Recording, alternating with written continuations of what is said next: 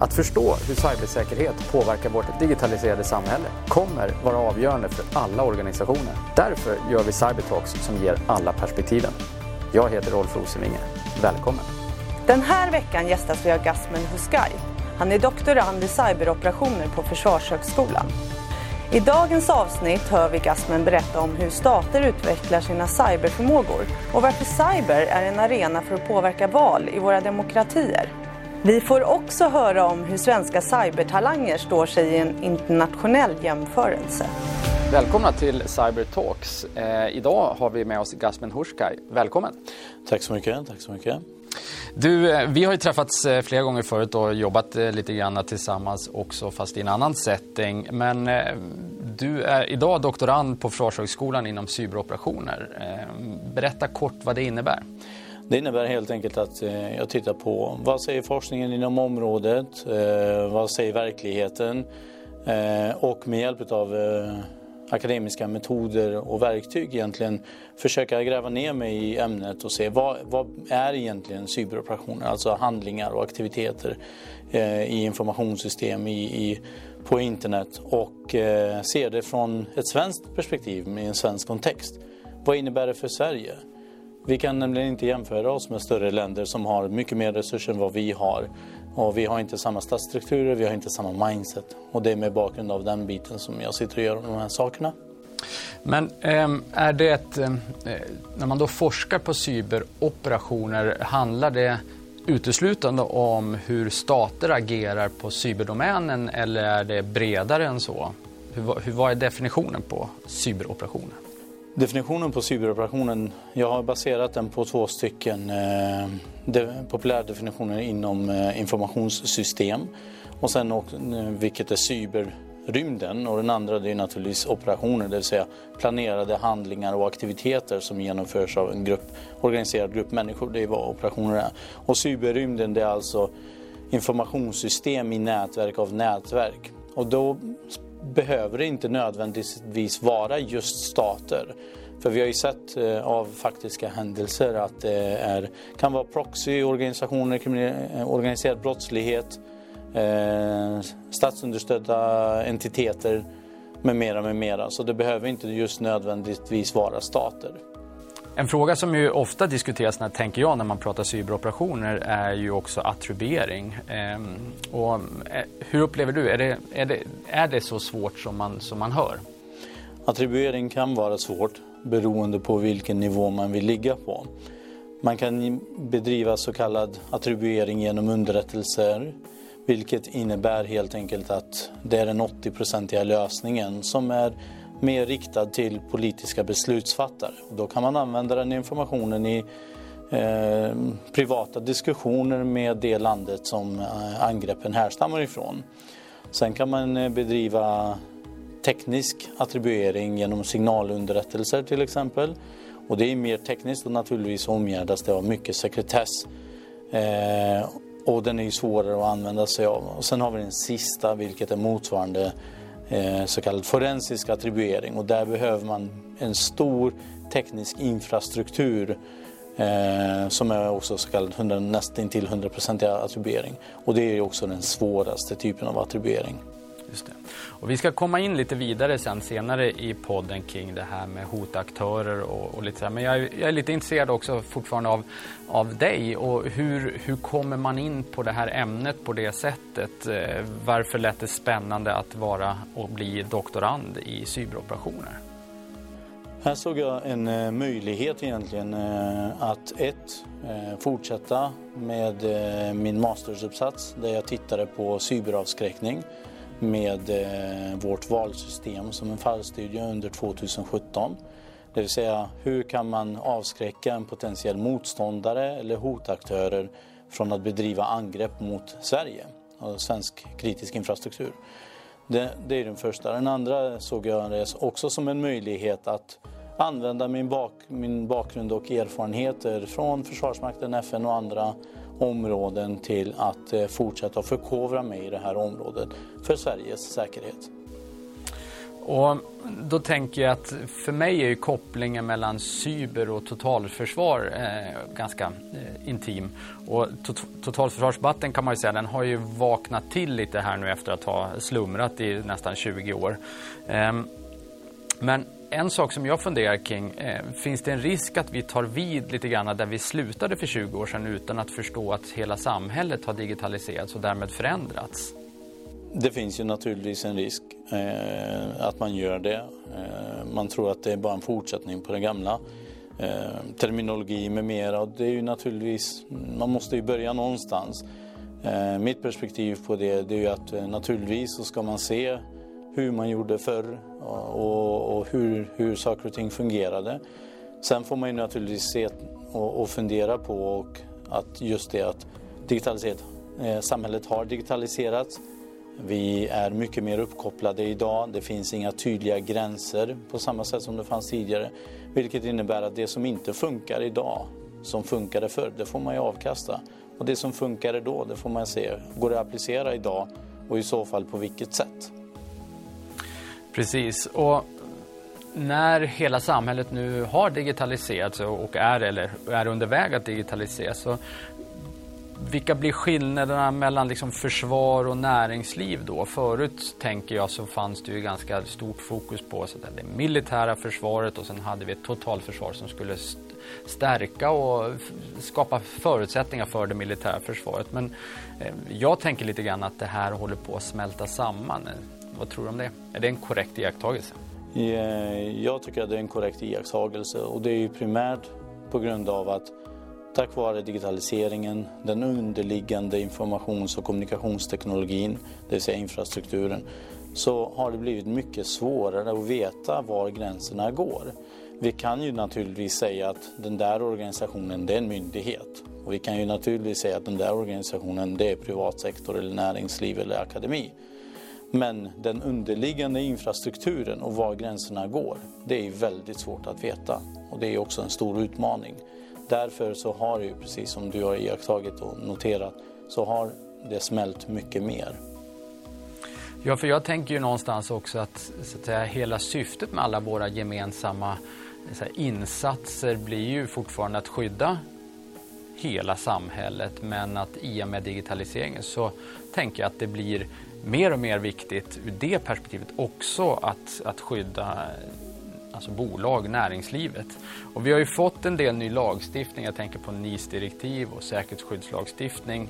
Kommer det effektivt hjälpa oss som samhälle att hålla fokus på de här sakerna? Det är ju bra lagstiftning, det är en bra grund, det är en bra början. Naturligtvis så finns det ju mer att göra. Eh, en, eh, en sak till exempel är hur kan man fördela information mellan myndigheter, mellan näringsliv och akademi till exempel. Hur kan man tillsammans i samverkan öka upp eh, det, totalförsvaret? Hur kan man få höja upp Sveriges tröskel av resiliens? Och det är den här typen av, av utmaningar som man måste diskutera vidare. För idag har vi stora utmaningar i de frågorna. Ja, men det tror jag. Eh, det är nog min bild också. Då funderar jag också, så att säga, finns en, finns en tillräcklig förståelse mellan de olika aktörerna, då tänker jag liksom eh, myndigheter och näringsliv till exempel. Förstår myndigheterna att eh, man kan komma en viss bit med lagstiftning men man behöver skapa positiva incitament också. Att, att näringslivet drivs delvis av andra krafter. Så att vill man vill man så att säga, stödja en utveckling åt ett visst håll så, så kan man ju, så att säga, både använda piska morot, lagstiftning och incitament. Men eh, förs den debatten idag? Eh, den, har ju, den debatten har naturligtvis, eh, bedömer jag, förts. Eh, dock inte på den nivå som man skulle vilja. Det är en stor utmaning i att lösa den frågan. Naturligtvis så är det som så att säkerhet kostar. Och här är ju det viktigaste, det är ju naturligtvis, det handlar ju om Sveriges säkerhet ytterst. Och då finns det ju saker som man får göra och eh, handlingar och aktiviteter och överenskommelser både med lagstiftning men också utan lagstiftningsstöd i att vi måste lösa det på något sätt. Just det. Och jag tänker att om vi nu så att säga, konstaterar att det här ligger så pass liksom intimt förknippat med hela samhällets digitalisering och tittar på, i alla fall hur min bild är, att, så att säga, hur vi som land hanterar den här frågan. Och då jämför jag också med en del eh, andra länder som jag har varit mycket i kontakt med, framförallt de anglosaxiska. Är det, eh, är det dags för att Sverige får en egen cybersar? Eh, den, de diskussionerna har ju naturligtvis eh, pågått. Vi har ju idag en, en koordinator eh, som eh, ska på, på hantera de här frågorna. Sen förs det dialog, eh, som vi har sett i öppen media, om ett nationellt cybersäkerhetscentrum. Eh, men utmaningarna ligger här i fortfarande i att eh, frågorna är så pass fragmenterade över så många eh, departement och myndigheter. Och här tror jag att man måste se eh, i att man kanske får antingen skapa en ny myndighet eller på, peka på en befintlig myndighet att nu är det ni som tar ansvaret för frågorna kopplat till Sveriges civila cyberförsvar. Just det. Och jag tänker ehm, att vi har ju en, en, preferens många gånger att snegla lite grann västerut och eh, ett land som vi ofta, inte bara i, i de här sammanhangen, tittar och sneglar lite grann på är ju, är ju Storbritannien. Och eh, min bild i alla fall är att de har funderat kring de här sakerna ganska länge och etablerade för ett, ett par år sedan då, deras National Cyber Security Center till exempel. Tror du att det skulle kunna vara en modell även för Sverige? Eh, jag tror absolut att det är en modell som skulle fungera för Sverige. Eh, vi måste ha en sådan modell och som jag nämnde tidigare så har det förts upp om att eh, Sverige ska ha ett sådant center och det är ju välkommet. Sen är ju, blir ju nästa fråga då hur kommer man samverka och samarbeta och hur kommer näringslivet stödja eller vara en del i det här på något sätt och det får ju tiden utvisa. Men så som man gör i Storbritannien så tycker jag att det är absolut en modell som, vi, som skulle passa oss också. Och då kommer man ju någonstans också lite osökt in på kanske en, en, internationell jämförelse. För jag tänker någonstans att det här hotet är ju globalt. Eh, när i samma ögonblick som, som vi digitaliserar ett företag eller en myndighet så blir den det företaget eller myndigheten på ett sätt också globalt eh, direkt. Ehm, så, och då blir ju också jämförelsen internationellt mer intressant. Ehm, så hur, vad är din, som doktorand här, för jag gissar att det är en del av det du tittar på, så hur, hur står vi oss internationellt i din uppfattning? Eh, det har ju varit svårt att, eh, Eh, att mäta hur man mäter sig internationellt för, av två saker. Och eh, den första är naturligtvis att det finns inte så mycket information och sannolikt så eh, beror det också på väldigt mycket sekretess. Men det man kan säga om man tittar på andra rapporter som har skrivits om cybersäkerhet eh, och om digitalisering så kan man säga att vi ligger på topp 5, topp 3, topp 5 globalt i digitalisering. Men när det gäller cybersäkerhetsfrågor så ligger vi väldigt långt ner på den listan. Och det där är ju faktiskt lite intressant för då kan man ju någonstans, tänker jag, så här att deltat däremellan, digitalisering och förmåga inom cyber blir ju egentligen risk, eller hur? Det Mm. Men vidare till den här internationella jämförelsen. Jag vet ju också någonstans att vi genomför, och det är väl kanske ett sätt att mäta Eh, så genomförs det en del internationella tävlingar och här i april så genomfördes ju en eh, tävling här i Stockholm som heter Lock Shields. Och du var med på ett litet hörn som, som forskare och observatör. Vilka, vad, vad hände där? Eh, jag kan berätta först lite om Lock Shields och det, det är, det är en, en eh, mångårig eh, övning, cyberförsvarsövning. Det är världens största eh, cyberförsvarsövning och tävling naturligtvis eh, där mer än 30 länder deltar. I år hade vi drygt 30 länder som deltog där Sverige deltog med ett tillfälligt sammansatt lag bestående av myndigheter, privatsektor och akademi på ett hörn. Då. Eh, och det innebär egentligen att eh, man har ungefär 4 000 virtuella system som får, eh, samtidigt som de får stå emot med upp till 2 500 angrepp. Och det svenska laget hade till uppgift att säkerställa att tillgängligheten i en mängd antal system bibehölls trots att de var under angrepp under två dagars tid samtidigt som angreppen ökade i intensitet och eh, eh, komplexitet om man säger så under de här två dagarna. Och hur, hur gick det för Sverige? Det gick ganska bra. Det gick väldigt bra för Sverige och det var jätteroligt. Vi kom på tredje plats, tog en bronsplats och det man kan säga med det är då det att, vilka var det vi tävlade mot? Om vi nämner första platsen som var Frankrike det man kan säga om dem är att de tog i princip deras befintliga organisationsstruktur och eh, la in den i tävlingen. Så de hade redan upparbetade processer, de kände varandra med mera, mera. Andra plats kom Tjeckien som jag inte har så mycket information på. Eh, och på tredje plats eh, så kom Sverige med som sagt ett tillfälligt sammansatt lag. Man hade inte möjlighet att upparbeta processer, rutiner med mera, med mera. Så Eh, det är, en, det är ett fantastiskt exempel och en indikator på den förmåga och kompetens som Sverige besitter fragmenterat. Men när man väl sätter ihop den så kan man åstadkomma något sånt här. Det är fantastiskt. Ja, det är superspännande och en, verkligen en fjäder i hatten. Och jag tänker någonstans också att då har vi vi har bevisligen förmågor på, på, så att säga, på individnivå och, och så vidare. Sen handlar väl mycket om hur, hur, man sätter samman det här till, till nationella förmågor. Och, och i och med att, som du var inne på tidigare också, att vi är ett relativt litet land så tänker jag att det blir ännu viktigare hur vi samordnar våra resurser. Ehm, men om man tänker lite bredare då, så det har ju varit en hel del i i media under de senaste åren och jag tycker man börjar läsa oftare om ett begreppet cyber warfare. Ehm, kan du berätta lite grann om hur du ser på det och hur vi behöver förhålla oss till cyber och warfare? Cyberkrigföring, eh, det är naturligtvis en, en eh, man brukar säga att cyber är en egen domän. Det är den femte domänen vid sidan av eh, land, alltså ground, mark då, sjö, luft och rymd.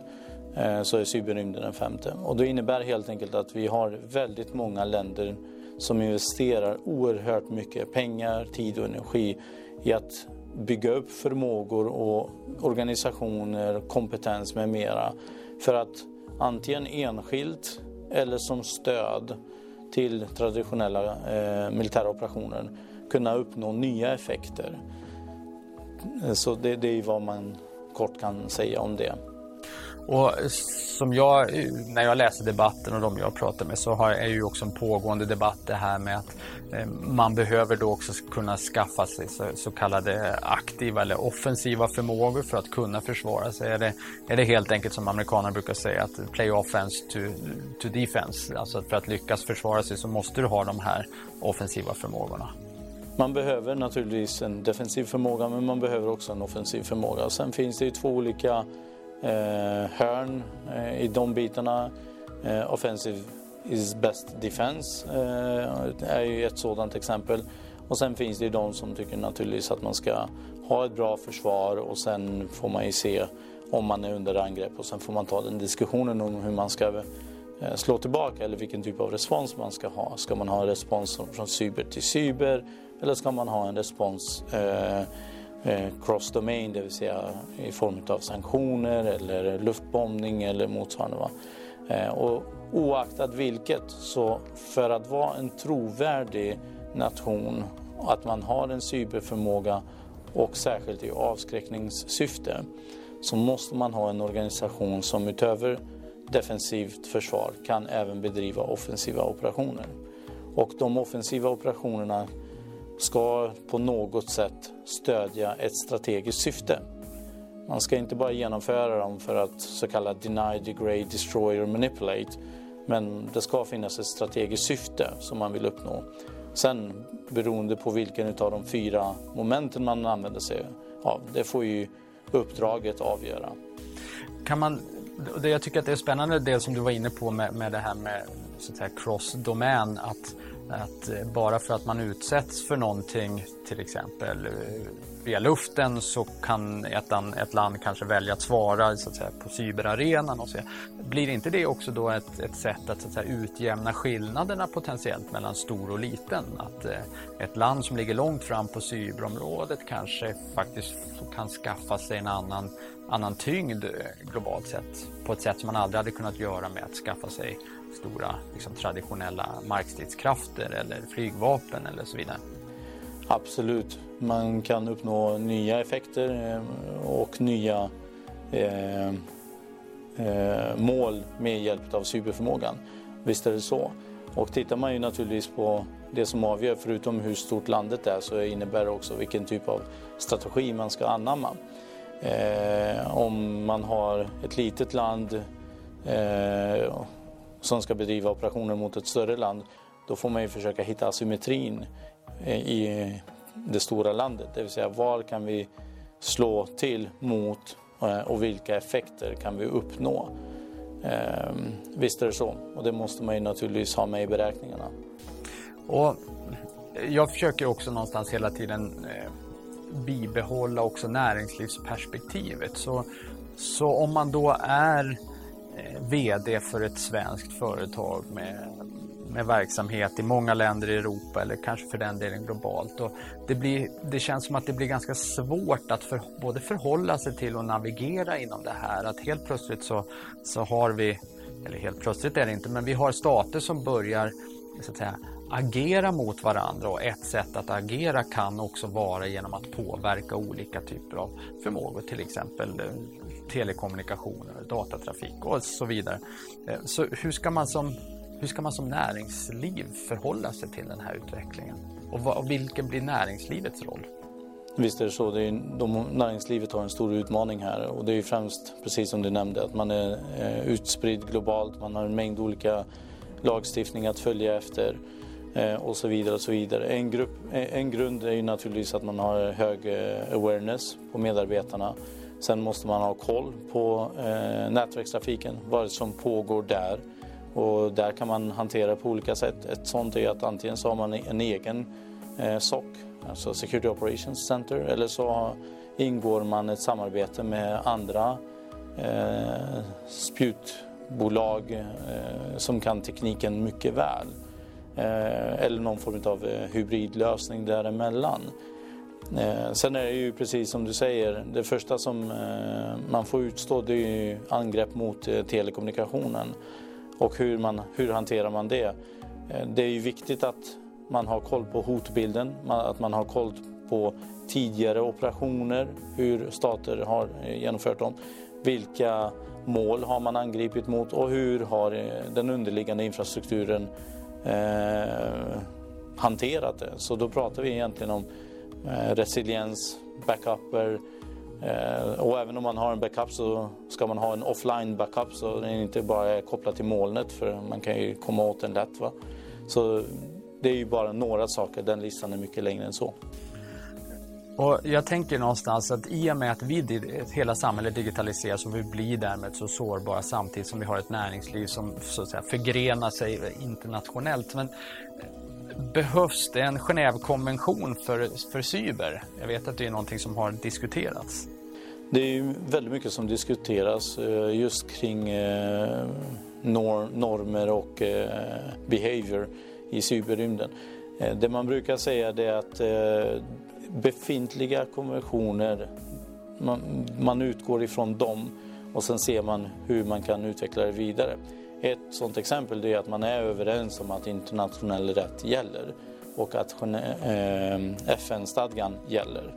Och det är ju en bra grund. Sen är det ju som så att det finns diskrepanser eh, på hur man väljer att se det här och de största diskrepanserna det är egentligen eh, västvärlden visavi det kinesiska perspektivet och det ryska perspektivet. Och min tolkning här också utifrån vad du berättar är ju att Eh, Eh, det här att någonstans oavsett egentligen om man är myndighet, eh, näringsliv eller akademi så eh, tänker jag några saker. Det är för det första att man hela tiden måste vara väldigt uppdaterad på vad som faktiskt händer men att man faktiskt behöver öva sin organisation. Och ett begrepp som börjar dyka upp mer och mer frekvent tycker jag är cyber range. Kan du kanske kort börja med att beskriva vad det är? Och min följdfråga blir egentligen också är det här även någonting som är intressant för företag att, att öva i? En eh, cyberrange eh, kortfattat betyder egentligen en skjutbana om vi använder en, en militär eh, jämförelse. Det vill säga man går ut och så övar man upp på, på, eh, på färdigheter hos förband, hos beslutsfattare. Kan man använda och applicera det här i näringslivet? Eh, jag hävdar att absolut, att man kan göra det. Eh, naturligtvis så blir det svårt om man ska ta hela infrastrukturen och öva på det. Det man däremot kan göra är att man kan ta en del av infrastrukturen, eh, sätta upp det och virtualisera det off, separat från, från eh, produktionsmiljön och sen öva mot den. Vad händer om vi blir angrepp mot den här delen av infrastrukturen? Vilka handlingar eh, och defensiva åtgärder kan vi göra? Så det tycker jag absolut. För jag tänker någonstans att man, om man tänker sig en trappa på, på hur man övar eh, och, och testar sin organisation så jag menar för, för väldigt många både myndigheter och, och företag så är ju det att göra penetrationstester någonting som man har hållit på med relativt länge och en del behöver fortfarande göra mer. Eh, sen något år tillbaka har man kanske ägnat sig åt så kallade Red Team-övningar. Det kanske vi också ska utveckla strax vad, vad det är. Kan man se det som en trappa så att du börjar med penetrationstestet och sen har du Red Team och Cyber Range blir någonstans en utveckling av en, en Red Team-övning? Det tror jag absolut. För att genom att börja med penetrationstester så identifierar vi var du har sårbarheterna. Både i, eh, i infrastrukturen men också i mjukvara. Eh, är det något som är opatchat? Är det något som, eh, finns det någon konfig något konfigurationsfel och så vidare. Och så vidare? Eh, så det är den första biten. Sen när man, börjat, när man har åtgärdat det då gör man Red Team-övningar som man nämnde. Det vill säga Red Team det är ju de eh, hackers eller elaka angripare som försöker på något sätt komma in i dina system genom att utnyttja de här sårbarheterna. Och har man en range då kan man egentligen använda sig utav en eh, eh, att även införa beslutsfattarnivån. Eh, och då blir det intressant för att här har vi en del av vår infrastruktur som är under angrepp. Hur många procent av eh, den ordinarie 100 procenten är det som är verksamt just nu, opererar just nu? Är det 10 procent, är det 50 procent, är det 0 procent? Eh, så samtidigt som man försöker att bibehålla tillgängligheten så försöker man hantera det här och sen är det viktigt från ett beslutsfattarperspektiv. Hur hanterar vi det här gentemot media till exempel?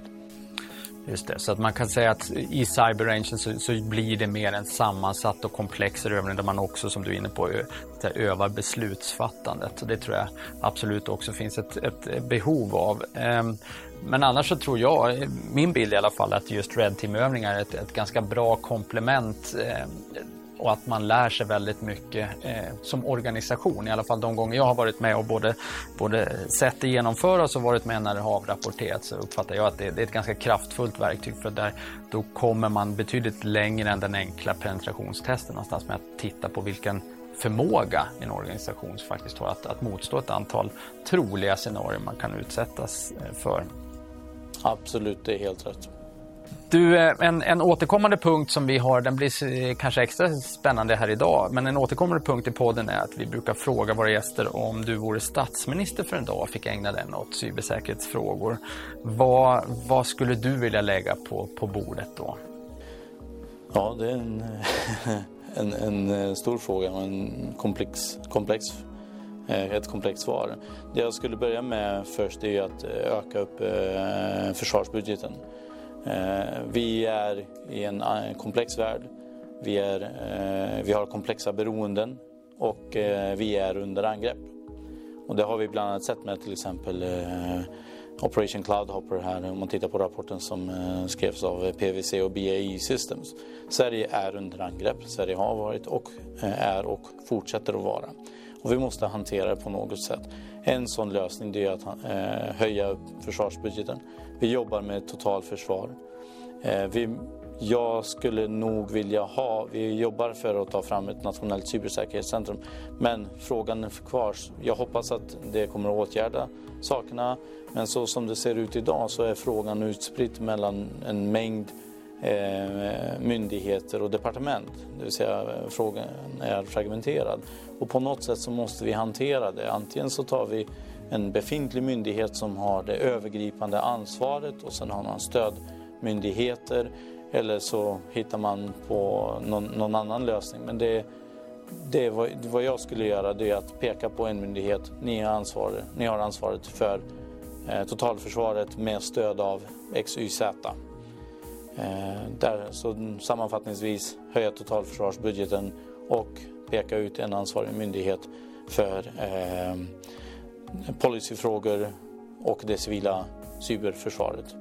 Så mer pengar, tydligare samordning och tydligare ansvar för eh, så att säga, vem som leder den här frågan. Yes. Kul och eh, därmed så börjar vi ju faktiskt eh, avrunda. Du Gasmen, stort tack för att du hade möjlighet att vara med. Vad roligt tack att ha dig så här. mycket för inbjudan. Det var jättekul att vara här. Och till alla lyssnare, until next time. Den här podden är en samproduktion mellan Cyber Insights och Tieto.